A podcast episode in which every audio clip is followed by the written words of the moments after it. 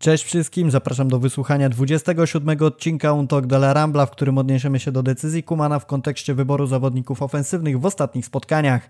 Warto posłuchać podcastu do samego końca, bo tam czeka na Was ciekawa propozycja z naszej strony.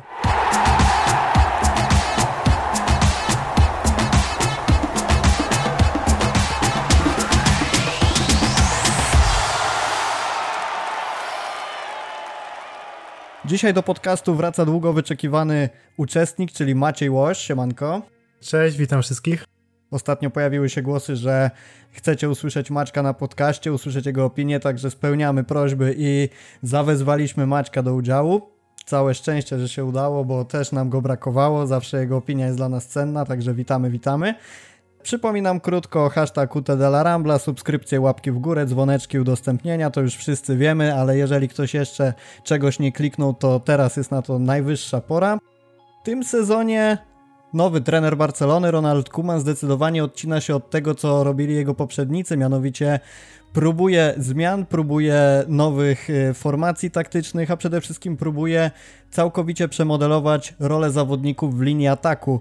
Mam tutaj na myśli to, że Przede wszystkim możemy zaobserwować zmianę roli skrzydłowych, o ile możemy mówić o zmianie, bo w zasadzie o wprowadzeniu skrzydłowych do kadry, do pierwszego składu, bo w poprzednich sezonach tego nie widzieliśmy.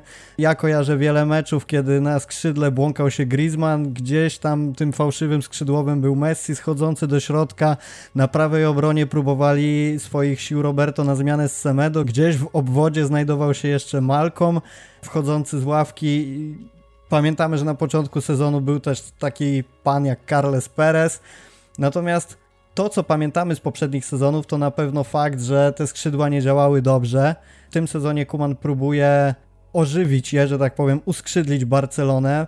Cały czas pojawiają się nowe pomysły. Raz na skrzydle jest Fati, Dembele, Trincao, znajduje się tam czasem Pedri, Messi, Coutinho, Griezmann. Cały czas ta formacja się zmienia i Kuman szuka tego optymalnego ustawienia na mecze Barcelony. Maciek, jak sądzisz, jaka powinna być w tym momencie optymalna ta czwórka z przodu, bo myślę, że musimy mówić o czwórce, jeżeli cały czas rozważamy taktykę Kumana. No to tak, jeśli chodzi o czwórkę, no to powiedzmy zacznijmy od prawej strony. Według mnie powinien grać tam Usman Dembele, który no według mnie jest lepszym skrzydłowym niż, niż Antoine Griezmann, który, o którym zaraz też powiem, ale wydaje mi się, że Dembele potrafi, e, ma takie walory ofensywne, e, jest szybki, potrafi dryblować, jest obunożny i na tej, e, na tej prawej flance może sobie, może sobie poradzić. Byłaby to naprawdę, naprawdę ciekawa opcja. Na ofensywnym pomocniku wystawiłbym na środku Filipe Coutinho, bo według mnie jest to zawodnik, który jak najbardziej może być tym drugim liderem drużyny po Messi, jeśli oczywiście będzie w dobrej formie nie tylko takiej fizycznej, ale też psychicznej, bo wydaje mi się, że u Brazylijczyka największym problemem jest właśnie mental. Jeżeli on uwierzy w siebie i uwierzy w swoje umiejętności, być może wreszcie stanie się takim zawodnikiem, którego Barcelona po prostu e, oczekiwała, gdy go kupowała i początek miał dobry, no teraz przydarzyła się kontuzja, ale i tak e, na pewno trzeba wymagać więcej zdecydowanie od, e, od Coutinho. E, lewa strona, no to cóż, należy do Ansu Fatiego. E, gość ma 18 lat, robi niesamowite liczby i tak naprawdę przeczy wszystkim tym słowom, że trzeba dać mu e, czas, trzeba, trzeba go oszczędzać, spokojnie go wprowadzać do drużyny, bo tak naprawdę on jest już jednym z tych liderów ofensywy i, i trzeba to sobie wprost powiedzieć, że teraz tak naprawdę wybieranie składu zawsze powinno się zaczynać między innymi od Ansu Fatiego. No a środek ataku, no to cóż, Leo Messi, no on nie jest takim typowym środkowym napastnikiem, wszyscy o tym doskonale wiemy. E, nie ma takich walorów jak choćby Luis Suarez, ale skoro tak naprawdę nie mamy nikogo innego w zamian, bo nie liczę tutaj Martina Bright White'a, który chyba jest zawodnikiem już no chyba wszyscy już wiemy, że nie nadaje się po prostu do, do Barcelony, no to mamy tak naprawdę tylko Leo Messiego na, na tą pozycję, ewentualnie Antoine Griezmann, ale do Griezmana też mam dużo zastrzeżeń, dlatego jeśli miałbym wybierać tą czwórkę ofensywną, to tak jak powiedziałem, Dembele, Coutinho, Fati i, i Leo Messi, to jest dla mnie ten chyba najmocniejszy atak w tym momencie. Moje pierwsze pytanie, jakie od razu się nasunęło, to to, że posadziłeś na ławce Pedriego. Zanotował świetny mecz z Juventusem. To, jak kręcił Quadrado, to po prostu było coś niesamowitego, biorąc pod uwagę jego wiek i też prestiż rozgrywek, bo nie każdy potrafi wejść do Ligi Mistrzów i robić takie rzeczy z taką drużyną. Natomiast ty zdecydowałeś się nie wypuścić go w tej swojej podstawowej czwórce zawodników ofensywnych. Z czego to wynika?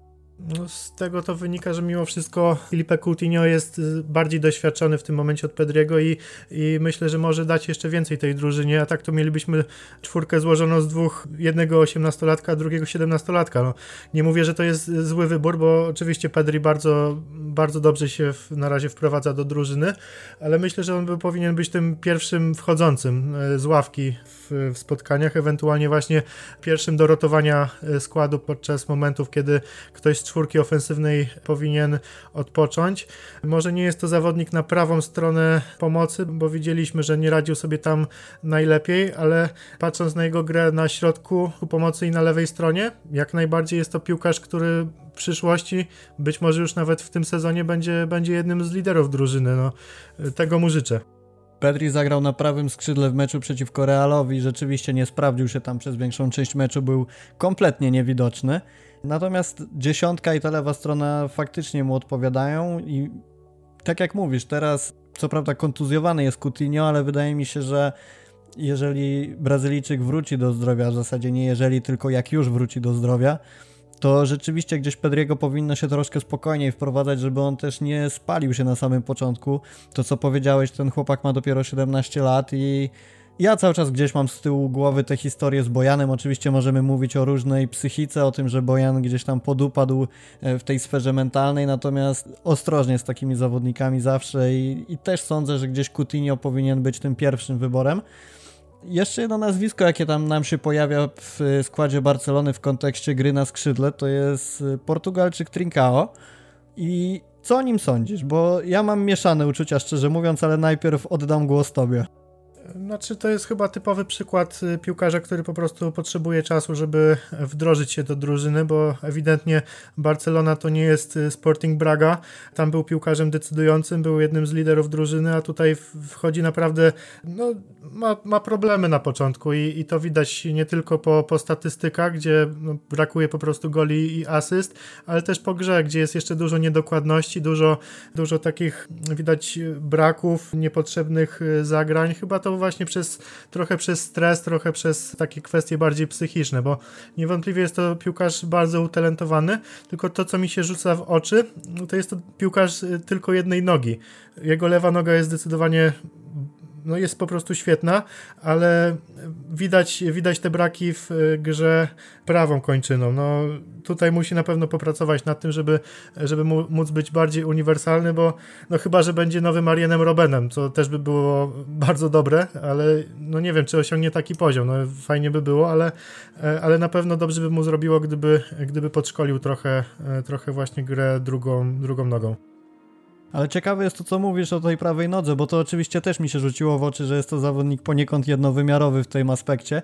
Natomiast y, przy golu Pedriego z Ferencvaros asystował właśnie Trincao i asystował prawą nogą. I widać było ewidentnie jak obrońca ustawia się na tę lewą nogę, on zaskoczył obrońcę kibiców i prawdopodobnie samego siebie też trochę, że tą prawą nogą y, asystował. I może to będzie jego tajna broń, kiedy nikt się nie będzie spodziewał, to rzeczywiście te asysty prawą nogą będzie notował, tak pół żartem, pół serio mówiąc oczywiście, natomiast ja też uważam, że obie nogi w tym momencie w piłce to jest aspekt bardzo ważny. I nawet jeżeli nie ma być to tak jak w przypadku Dembele, który w zasadzie sam nie wie, która noga jest lepsza, to mimo wszystko ta słabsza noga nie powinna aż tak odstawać od drugiej, żeby móc przeciwnika zaskoczyć. Natomiast mi on trochę przypomina trochę yy, naszego byłego zawodnika, czyli Christiana Teo, bo mam wrażenie, że dribbling jest, y, fajny strzał też pewnie ma, umie się na tym skrzydle rozpędzić, coś ciekawego zrobić. Natomiast koniec końców jeszcze nie daje takich argumentów, żeby no na pewno nie być tym y, zawodnikiem pierwszego składu, ale też nie daje takich argumentów, żeby zawierzyć mu jakąś poważniejszą rolę w Barcelonie. Mam wrażenie, że jest to dobry zawodnik na końcówki i do tego stopnia mi go przypomina, że trochę obawiam się, że jego kariera potoczy się w stylu Cristiana Teo. Oczywiście no nie jest to zła kariera, no bo Real Betis to też fantastyczna drużyna, bądź co bądź, ale że te pierwsze mecze trochę pokazują, że jest to zawodnik e, jeszcze za słaby troszkę na Barcelonę. Nie chcę powiedzieć, że, że na pewno się nie sprawdzi w Barcelonie, natomiast te pierwsze mecze gdzieś dają mi podstawy sądzić, że Przypomina mi zawodników, od których oczekiwaliśmy, że kiedyś w końcu odpalą i tak czekaliśmy, kilka sezonów czekaliśmy, a potem oni odchodzili. On ma podobny start, moim zdaniem, nie uważasz? Na pewno masz rację, ale też y, no, według mnie powinniśmy dać mu, dać mu czasu, bo on, y, bo to, no tak jak mówię, nie wszyscy piłkarze od razu wchodzą do drużyny i, i potrafią, potrafią grać tak samo jak w poprzednim klubie. No Trinkao tak naprawdę ile przebywał na, na boisku w, w La Lidze? To były bodajże 120, 120 minut tylko, e, także no, myślę, że na spokojnie możemy, możemy mu dać, nawet niech to będzie cały sezon, powiedzmy, nie oceniajmy chłopaka, niech, e, niech się rozwija, niech, niech wchodzi do drużyny. I myślę, że dopiero, dopiero w drugim sezonie możemy tak, tak na poważnie już e, krytycznie go oceniać, bo no, popatrzmy na przykład na Joan Felixa w Atletico, gdzie jego pierwszy sezon był naprawdę bardzo, bardzo mizerny mizerny, a to był piłkarz, który przychodził też za 120 milionów euro do, e, do Atletico, ale obydwaj są piłkarzami bardzo młodymi i po prostu potrzebują czasu. No, nie każdy, nie każdy będzie od razu gwiazdą takiej drużyny jak Barcelona. To też jest prawda i rzeczywiście, no ja się dzielę, jakie mam moje pierwsze wrażenie, spostrzeżenie i co mi trochę przypomina Trincao, w zasadzie kogo mi przypomina Trincao i, i jego gra. Natomiast czas mu na pewno trzeba dać i też mi przyszedł rzeczywiście przykład Felixa, który na ten moment powoli, powoli wyrasta na gwiazdę Atletico i szaleje tam w ataku niesamowicie. Skrzydła to nie tylko atak, nie tylko e, ci zawodnicy rozpisywani przed meczem na kartce gdzieś wyżej połowy przeciwnika, ale także boki obrony, bo wiemy o tym, że skrzydłowi obrońcy to już nie tylko obrona, w zasadzie w większej mierze atak, tym bardziej w takiej drużynie jak Barcelona. Obecnie mamy dwóch lewych obrońców, czyli Albe i Firpo i na drugiej stronie mamy Roberto i Desta. Myślę, że o lewej stronie nie musimy dyskutować, kto jest tutaj pierwszym wyborem. No ja myślę, że w ogóle tu nie ma konkurencji na tej stronie, bo chyba e, Junior Firpo nie jest w tym momencie żadną, żad, no nie jest po prostu rywalem dla, dla Jordiego Alby. Jedynie e, Serginio Dest e, może grać na obydwu stronach i, i tego może się obawiać nasz reprezentant Hiszpanii, e, no ale chyba, chyba właśnie Firpo nie jest za wysokie progi, to są dla niego moim zdaniem, chyba, że, e, że jeszcze odpali, no, fajnie by było, ale, ale no początki miał naprawdę kiepskie. Tamten sezon był do zapomnienia według mnie, a teraz też e, no, na początku miał kontuzję, a teraz odgrywa tak naprawdę marginalną rolę. Wspomniałeś na początku o tym, że na, prawej, na prawym skrzydle powinien według ciebie grać Dembele, a w związku z tym, jeżeli stawiamy na Dembele, to kto powinien wystąpić na prawej obronie? Dembele jest bardzo ofensywnym zawodnikiem i sam Kuman zarzucał, że zbyt mało udziela się w defensywie i też w jednym z meczów zdecydował się ze względu na to wprowadzić Trincao, który jego zdaniem dawał w obronie więcej. I dla mnie pierwszym wyborem na ten moment powinien być Dest. Dlatego, y, że w meczu z Realem sprawdził się naprawdę fajnie, dobrze się wprowadza do drużyny i sądzę, że to jest najlepszy moment na to, żeby w tej przebudowie Barcelony rzeczywiście próbować wprowadzać nowego prawego obrońcę, takiego, którego możemy opisać mianem, że będzie miał potencjał na lata, jeżeli chodzi o pierwszy skład i gdzieś tego Roberto odsuwać od, y, od linii obrony. Natomiast, bo ja zgadzam się z tobą, że na prawej stronie ataku powinien grać teraz Dembele. Tylko zastanawiam się, czy taka konfiguracja Dest i Dembele nie byłaby zbytnio ofensywna. No tak, y, też, też mam takie obawy. Mm, no Des, Des jest piłkarzem, który tak naprawdę nie rozegrał bardzo wielu meczów w seniorskiej piłce, dopiero też do Ajaxu wchodził w tamtym sezonie. No trzeba go obserwować, trzeba patrzeć, czy, czy rzeczywiście te jego walory w defensywie są wystarczające na to, żeby, żeby można było grać e, tak ofensywną prawą stroną, bo, bo jeśli będzie miał braki, braki właśnie w obronie, to, to moim zdaniem Sergi Roberto powinien grać e, w tej konfiguracji z, z Dembele. E, jeden piłkarz bardziej ofensywny, a drugi drugi, też skupiający się trochę bardziej na, e, na bronieniu, bo to też jest, e, też jest ważne. Ale powiedzmy sobie szczerze, tak jak e, widać było prawą stronę, gdzie grał Griezmann i Sergi Roberto, to tak naprawdę Barcelona nie miała, nie miała po prostu argumentów na tej stronie. To były tylko ataki środkiem i, i lewą, lewą stroną, dlatego no na pewno musi, musi to być zmiana i w tym momencie mimo wszystko dałbym szansę Destowi, jako temu pierwszemu prawego, prawemu obrońcy. Jeżeli się sprawdzi, no to super, to będziemy mieli, mieli tak jak mówisz, obrońcę na lata, bo, no bo wszyscy pamiętamy Daniego Alvesa i Barcelona cały czas, cały czas szuka jego następcy. Amerykanin, no ma potencjał, żeby, żeby się nim stać. Ma takie walory przede wszystkim ofensywne, które może wykorzystać i, i stać się właśnie takim nowym, e, nowym ofensywnym obrońcą Barcelony.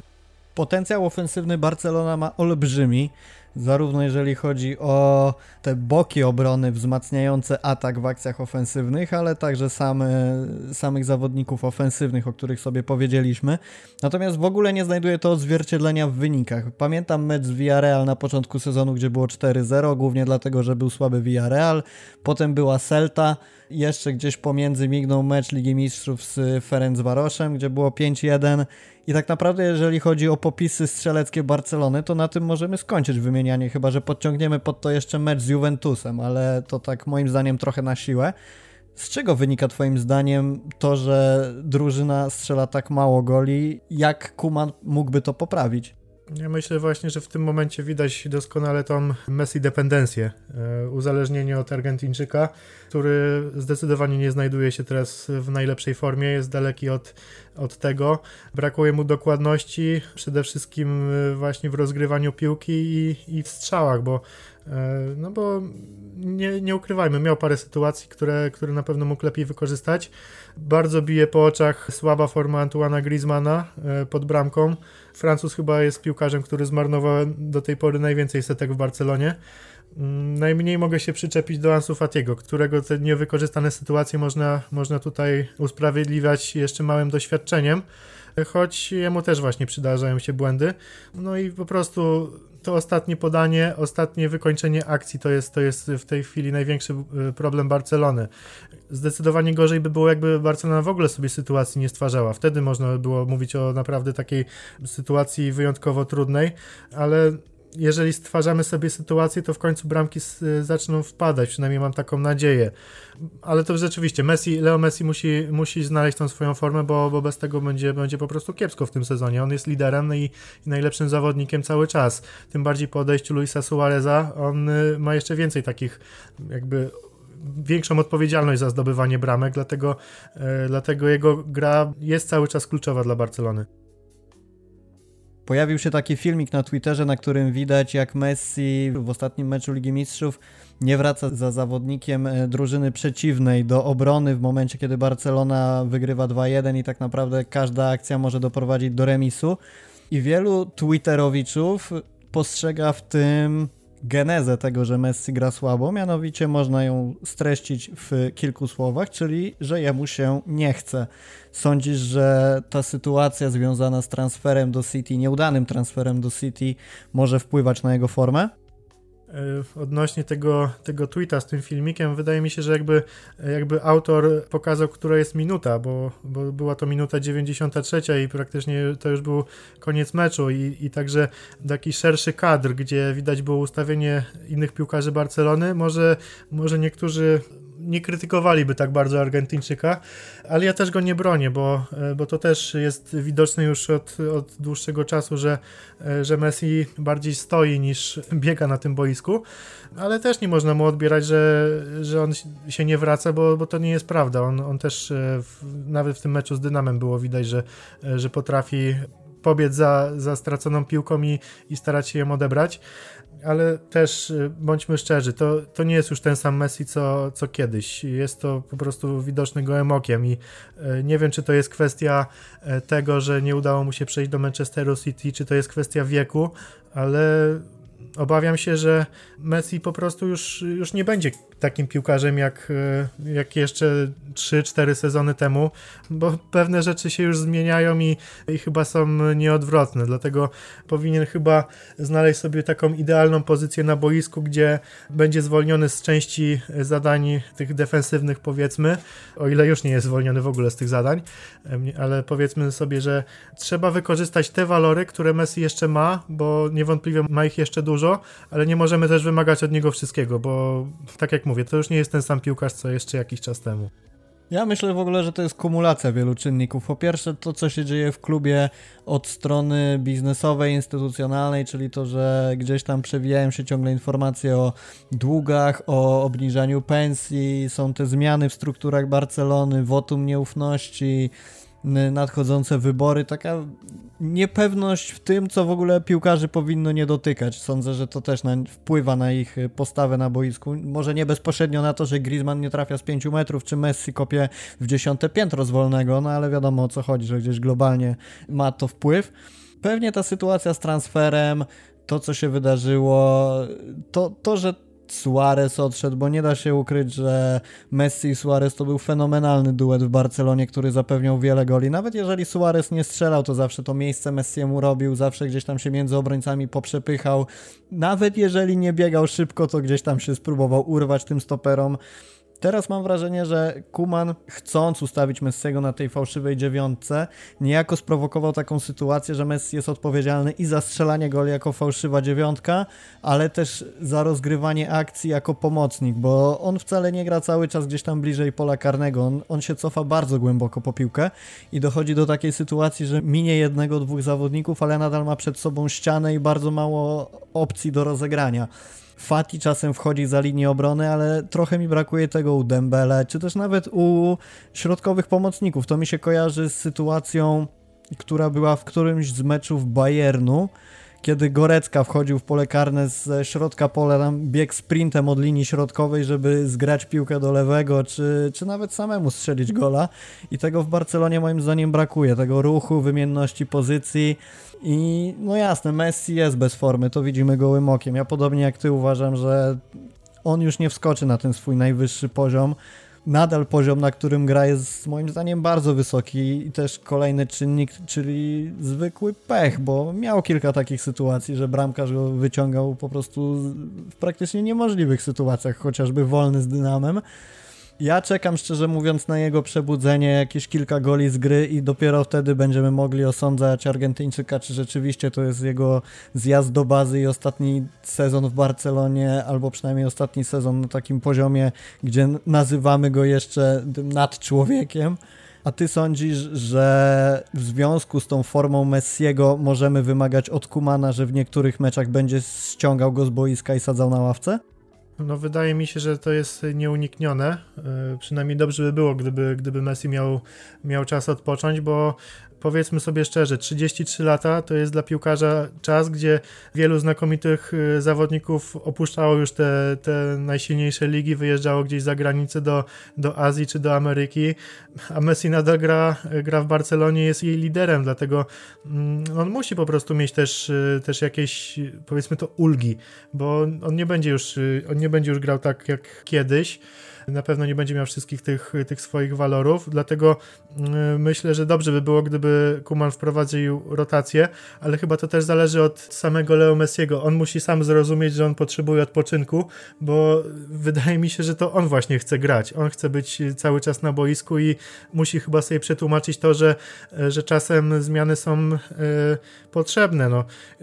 Zinedine Zidane potrafił przekonać Cristiano Ronaldo do tego i widać to było, że, że Portugalczyk nie grał we wszystkich meczach, ale dzięki temu miał czas na odpoczynek, na regenerację. W Juventusie jest podobnie.